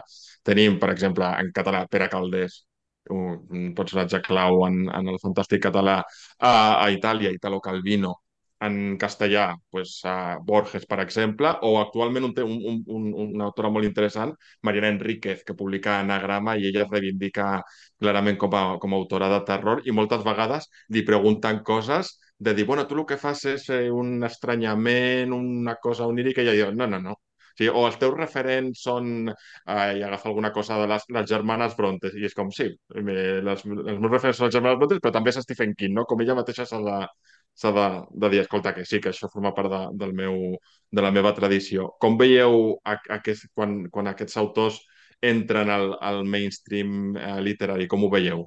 Sí, jo demà torn, sobretot pels dos primers, en el cas de Pere Caldés, i també podríem aquí incloure a Pedro Aglo, on es posa en la literatura catalana? A, a la secció de juvenil, no? Sí. infantil i juvenil. Uh, Pere Caldés, es, bueno, ara ja no tant, però abans estava a tots els llibres de text. Eh? A tots els llibres de text per treballar en relats i, i així, però no, no, no, no ho trobes en, en la secció d'adults. No? I en el cas d'Italo Calvino també passa el mateix. Jo Italo Calvino el conec des que sóc un marret, perquè l'he conegut en els llibres de text.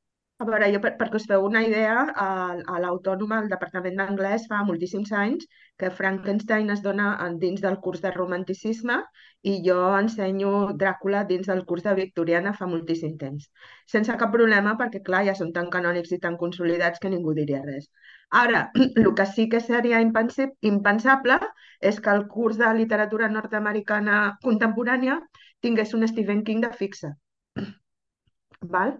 Fa poc vam posar una assignatura nova que es diu Grans autors de la literatura anglòfona i jo ja li vaig anunciar als companys que quan en toqui una mica ja es poden anar preparant, perquè o faré un monogràfic sobre Terry Pratchett o un sobre Stephen King, o faré The Lord of the Rings, que això el Francesc Parcerisses ja ho va fer, una assignatura a l'autònoma dins de traducció.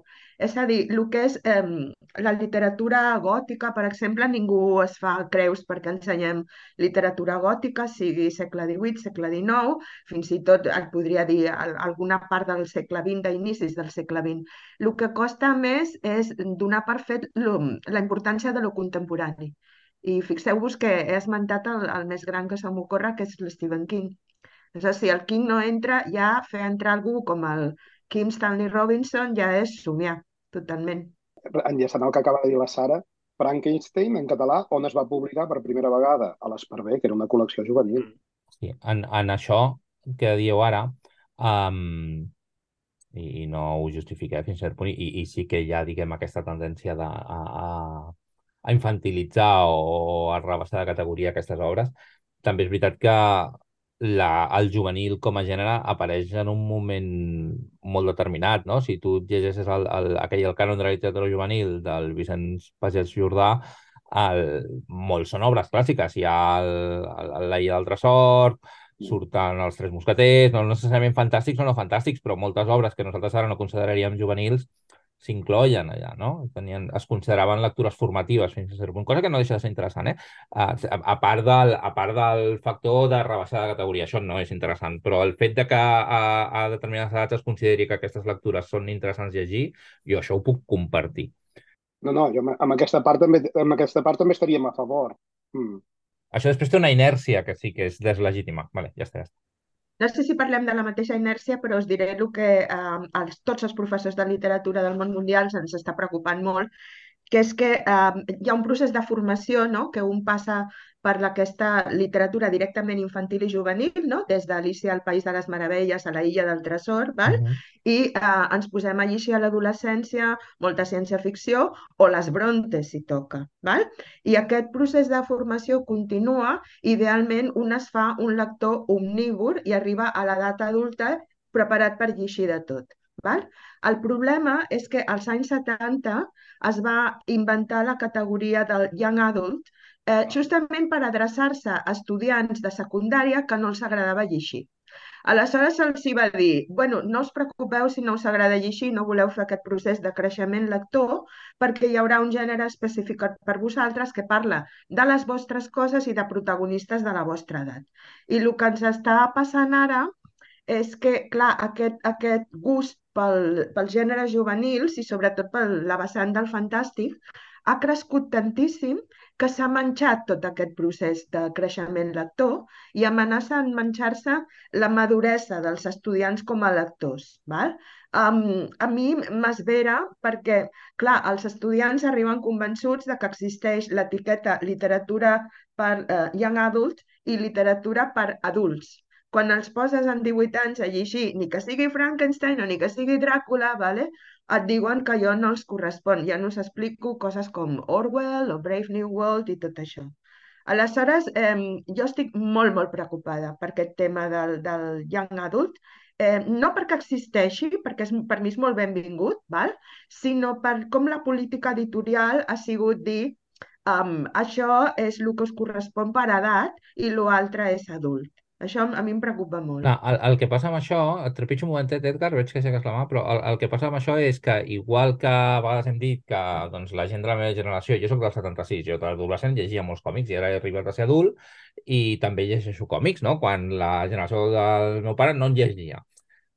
És a dir, també hi ha una inèrcia en aquest sentit de, del que tu has conegut i t'ha agradat, no ho vols perdre, no? I hi ha coses que potser deixes de fer-les, però altres no. Clar, la gent que ha crescut llegint Young Adult hi ha una sèrie d'arquetips, una sèrie de formes narratives que igual les vol mantenir, que suposo que és per on vas tu, Sara. Sí, el, no, per, jo per, per on vaig és per, és per el monopoli. És a dir, si tu, si tu, llegeixes, tu llegeixes còmics perquè els llegies de jove, perfecte, però llegeixes moltíssimes altres coses, no? El que, el que s'està creant ara és aquesta visió de fins als 25 anys et correspon aquesta mena de literatura.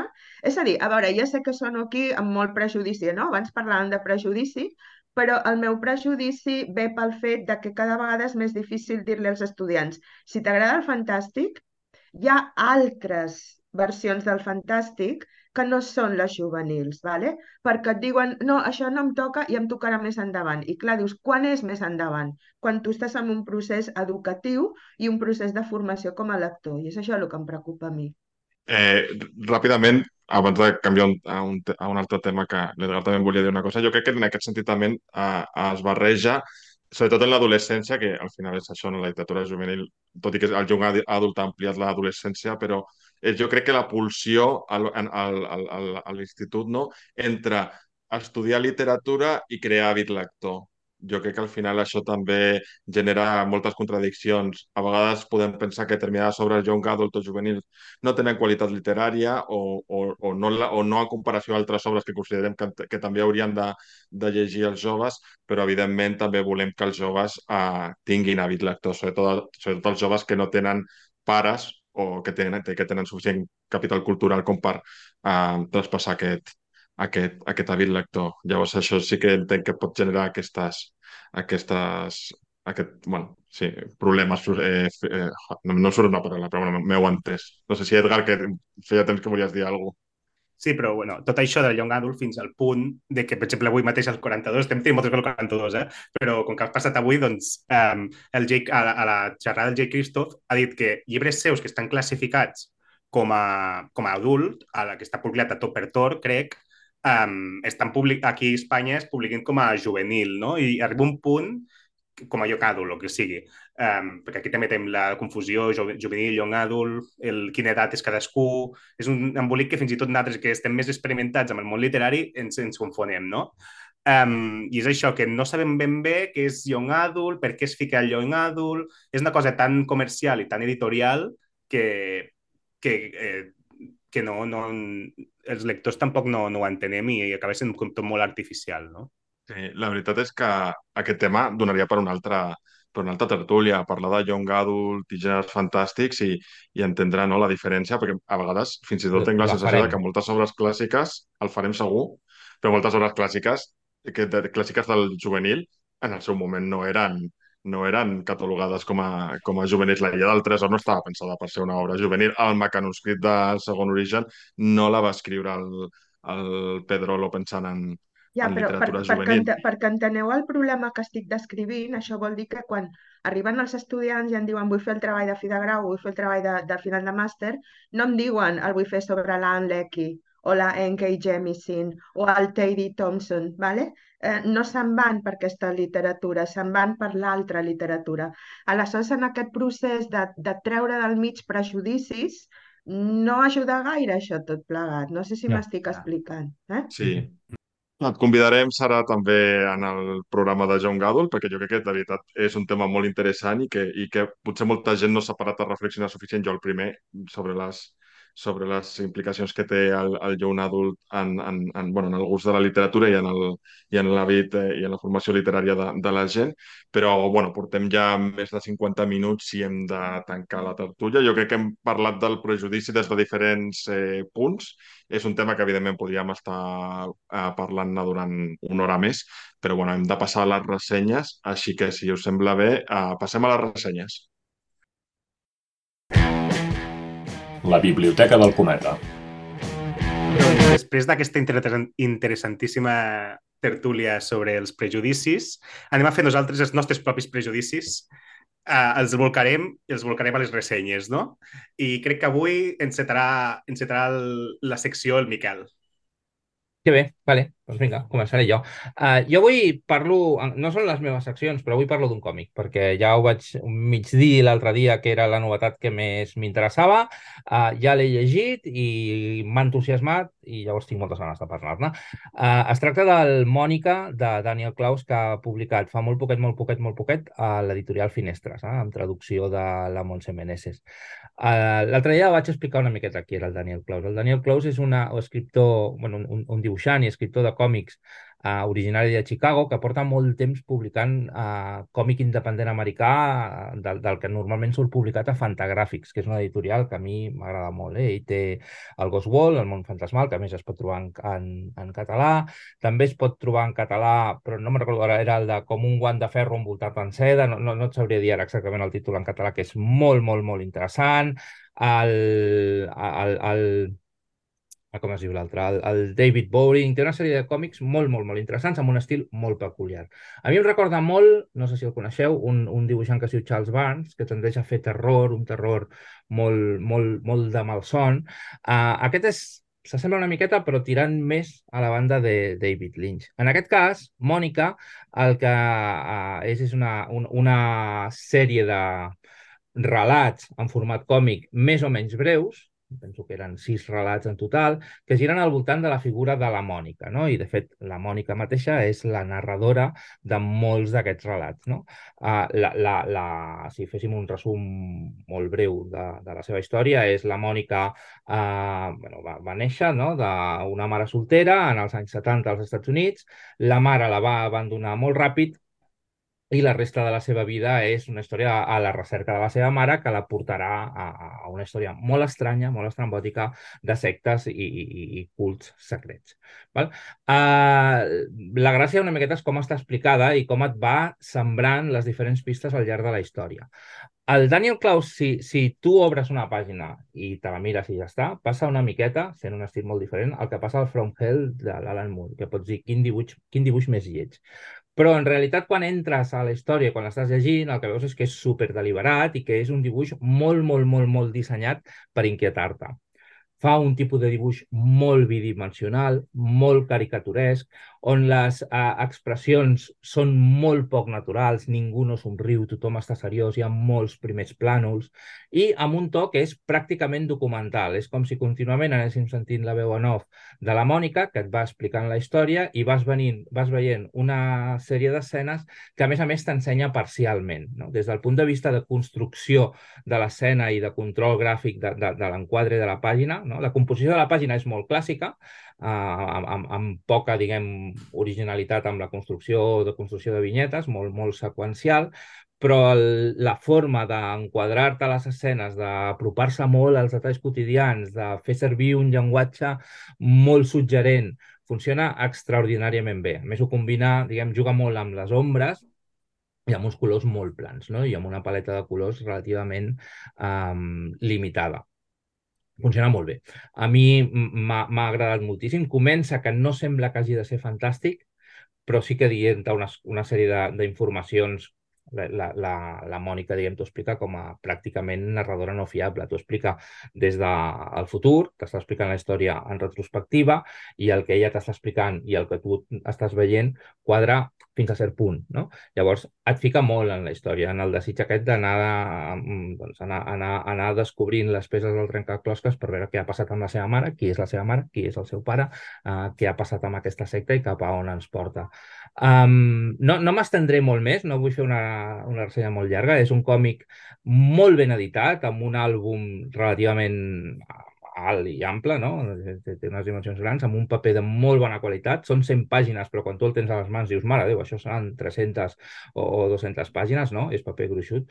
Um, i, I ara que això sortirà cap a segona, tercera setmana de novembre s'apropen més o menys uh, als Reis, jo crec que, que és una molt bona aproximació a, a un autor que jo crec que és dels més interessants de, de, del còmic independent nord-americà de, de les darreres dècades. Jo estic supercontent amb aquest còmic, m'ha agradat moltíssim. Jo no l'he llegit, aquest autor, però amb l'entusiasme que, que, que ens dona, que, que, ens, que, que ens ho fas i, i a tots els altres obres que ja has dit que va com um, tastant el gènere en diferents obres, doncs me'n dones moltes ganes de llegir-lo.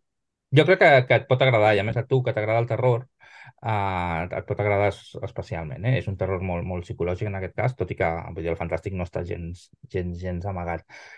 Sí que, i per això ho deia al principi, crec que, per exemple, és un tipus de... La meva filla llegeix còmics i jo li ensenyo això, es mira el primer dibuix i diu jo això no ho vull llegir, no estic convençut, vull dir, perquè no és un dibuix bonic, però és un dibuix fet així de forma molt deliberada, vull dir que el tio és un gran narrador a nivell gràfic.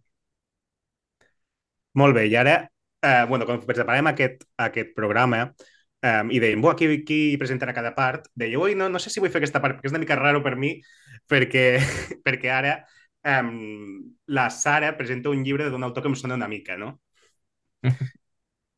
Doncs sí, presento un llibre d'un autor que et sona una mica, però vull deixar molt ben clar, molt claríssim, eh, que no l'he triat pas perquè l'autor et pugui sonar una mica, sinó sincerament perquè m'ha encantat. I és un sí, sí, llibre no, de... i que i que ja hem, hem aclarat que si vol fer mala sang i vol esbudellar, això als autors de terror ens agrada molt, eh? Ah, val. Bueno, és un llibre d'un tal Edgar Cotes i Argelic i es diu Un àngel cruel i és novetat, està publicat per Espècula i si no sabeu qui és l'Edgar, doncs eh, té ja un parell de llibres, té un recull de contes que es diu Els híbrids minvants, de 2017, i té una novel·la que es diu Cor de gel, del 2021 i com és un autor molt jove i aquesta és una novel·la esplèndida, doncs espero que tinguem moltes més novel·les esplèndides escrites per ell. I us explicaré per què m'agrada molt. Um, la novel·la s'obre amb una cita de la Shirley Jackson de La maledicció de Hill House i evidentment és una, una influència molt gran i als que us agrada Neon Genesis Evangelion potser us sonarà de la banda sonora La tesi de l'àngel cruel que és d'on ve el títol però no té res a veure amb això um, per què m'agrada la novel·la? Doncs perquè l'Edgar ha sigut molt valent. Ha sigut molt valent narrant una història que passa a les Terres de Lleida, en un entorn rural, i a tots els que estimem molt Stephen King sabem que la gràcia del terror no és tant mm, que passi en un entorn absolutament fantàstic, sinó que passi en un entorn quotidià. I ell és el que fa. Agafa una família que surt de Barcelona um, per raons d'una tragèdia lligada amb la Covid i va parar a un poble de Lleida. I va parar a una casa que té un habitant molt peculiar.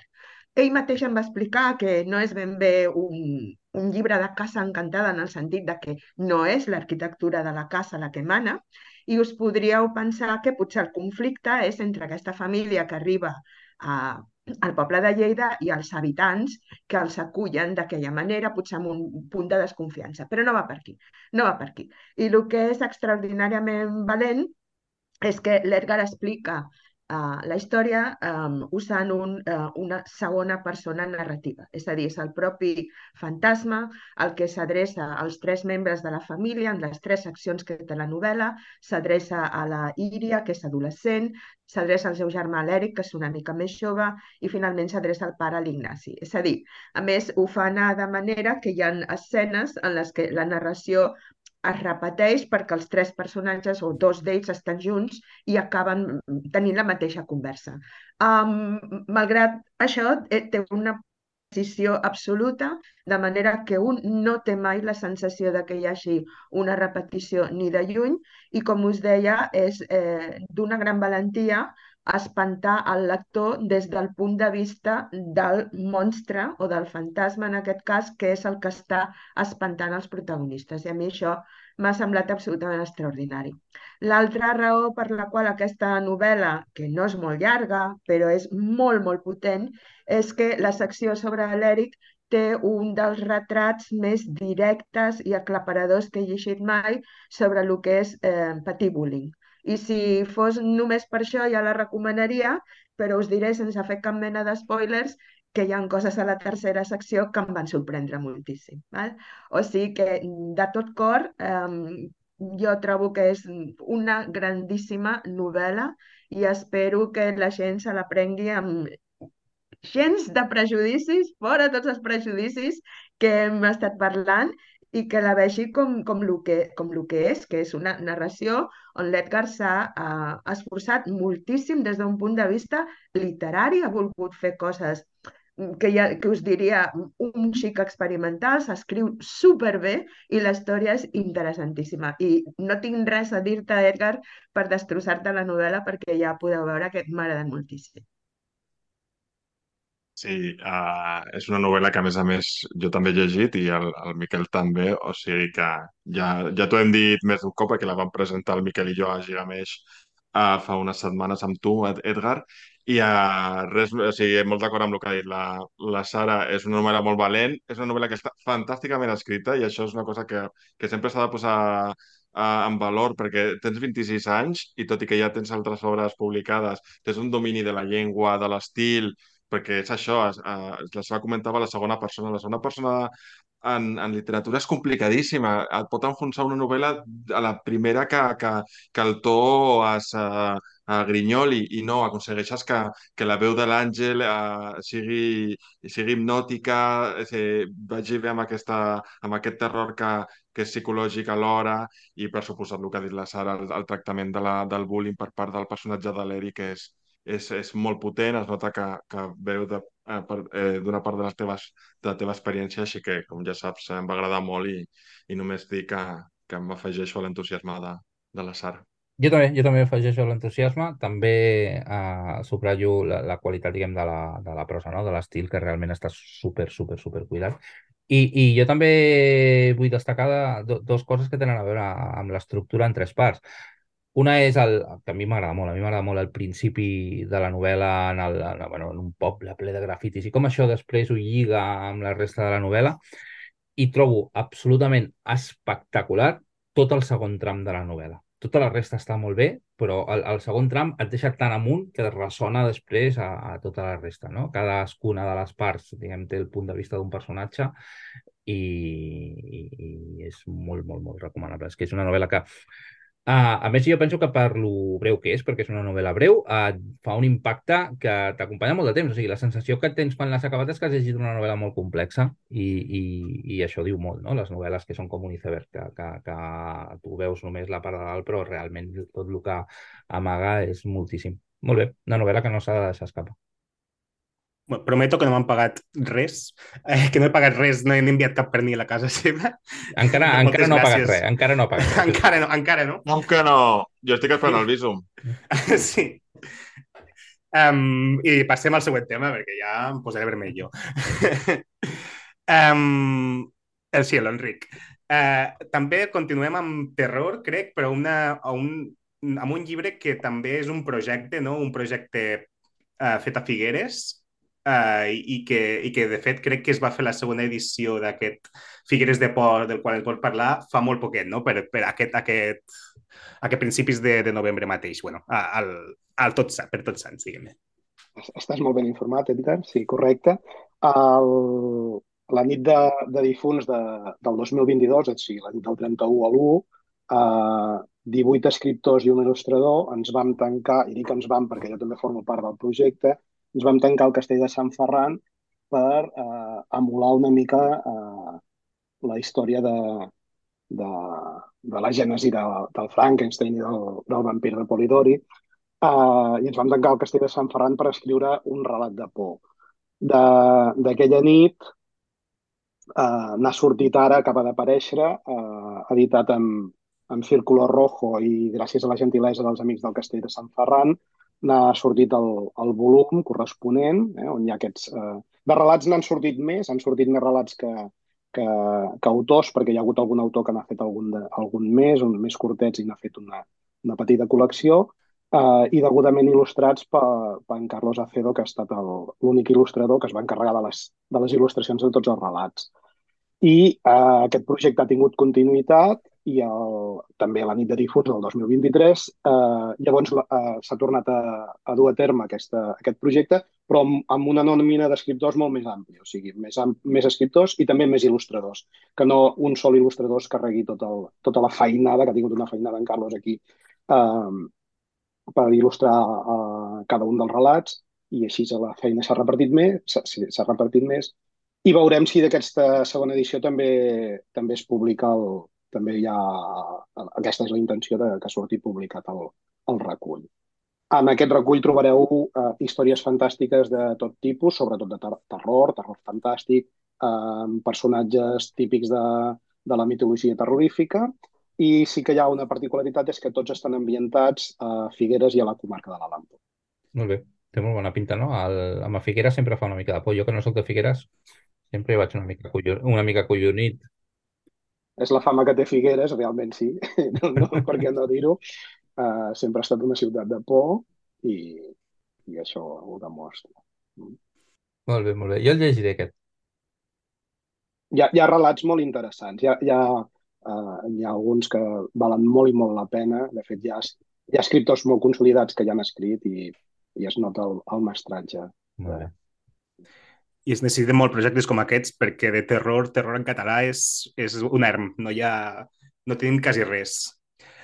I un altre autor, bueno, i parlant d'erms, un, alt, un altre autor que estava als erms abans que, que potser coméssim, te parlem una mica de la primera del Fantàstic, que tenim, comencem a tenir molts, molts autors, molt més autors, mmm, eh, i que, que escriuen fantàstic doncs, amb la voluntat d'escriure fantàstic.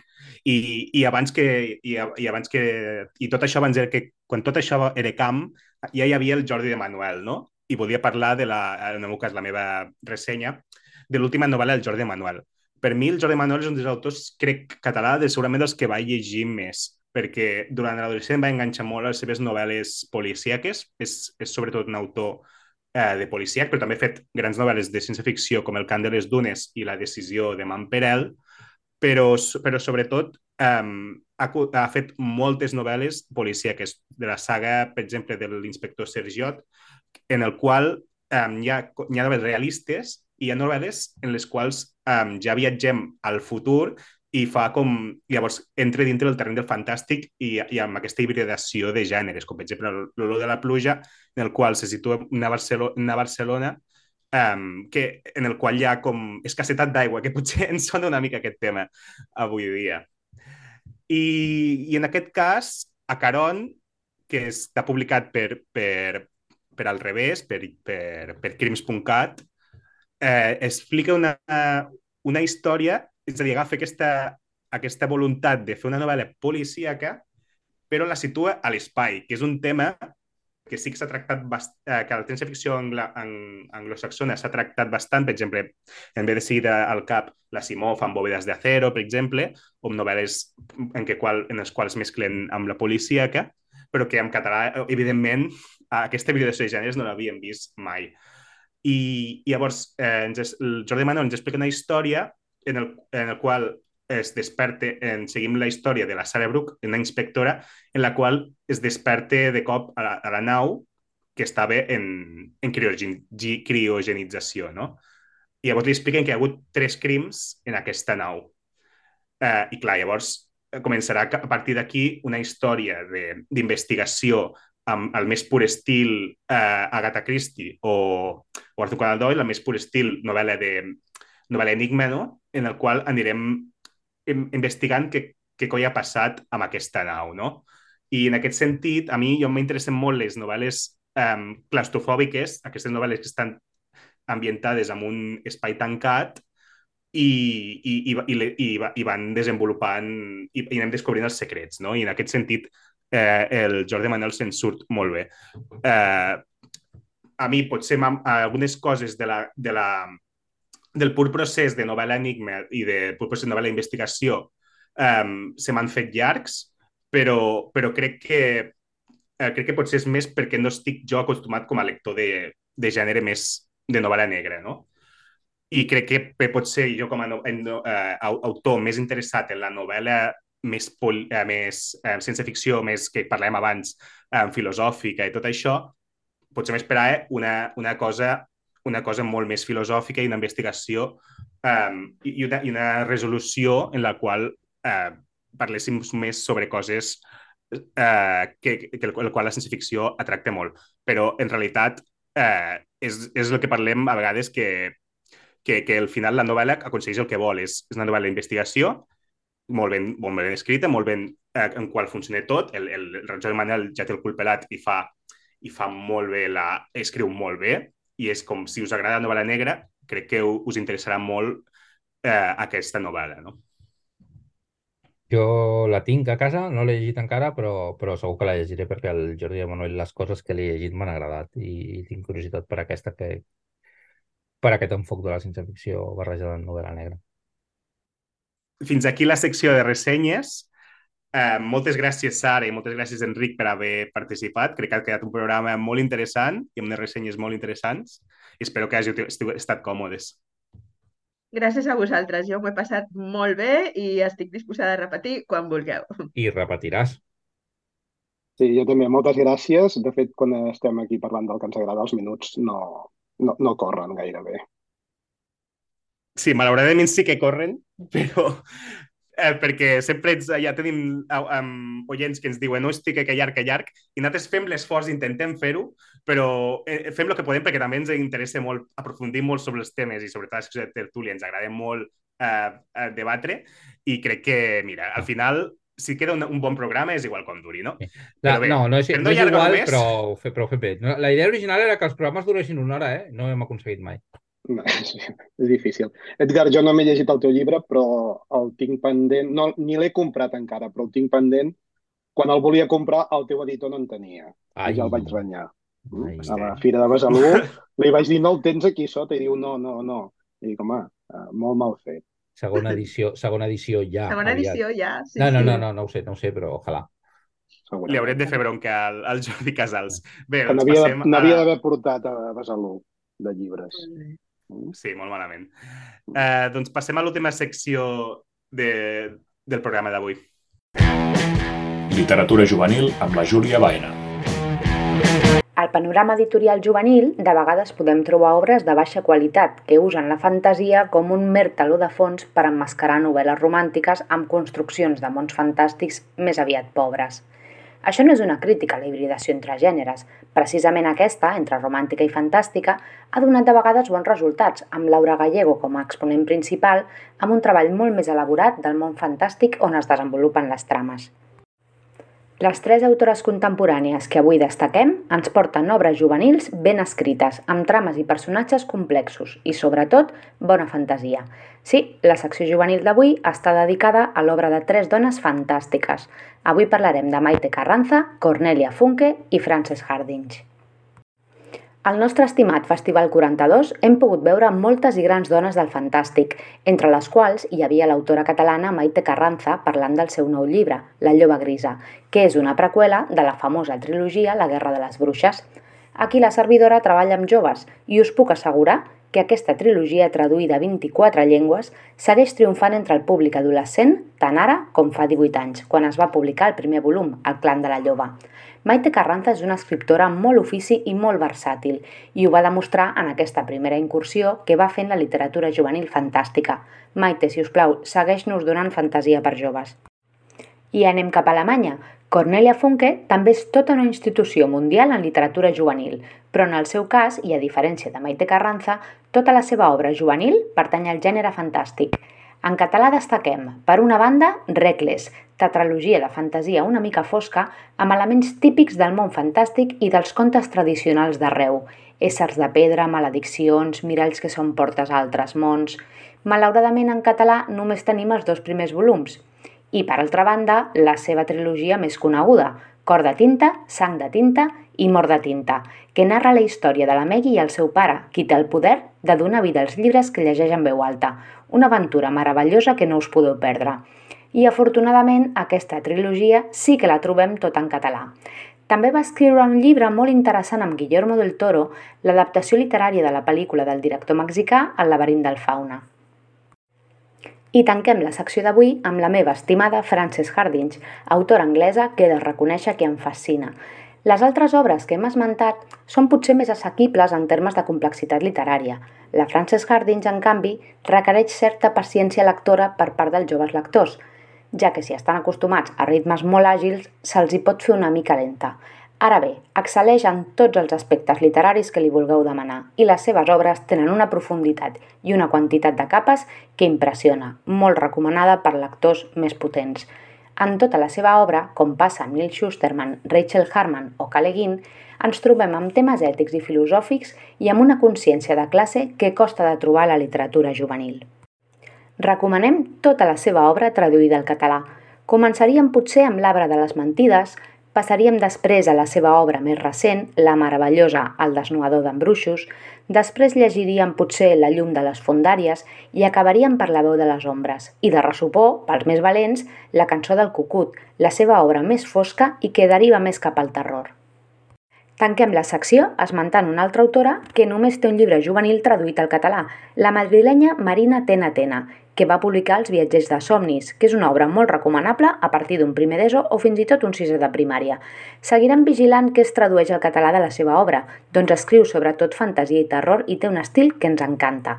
I fins aquí la secció d'avui. Moltes gràcies per escoltar-nos. Esperant el cometa és una iniciativa de l'Associació Cultural El Biblionauta, una entitat sense ànim de lucre dedicada a la divulgació de la literatura de ciència-ficció i fantasia en llengua catalana. Si us agrada el que fem i ens voleu ajudar, us en podeu fer mecenes al biblionauta.com. Moltes gràcies i us esperem al següent episodi d'Esperant el cometa.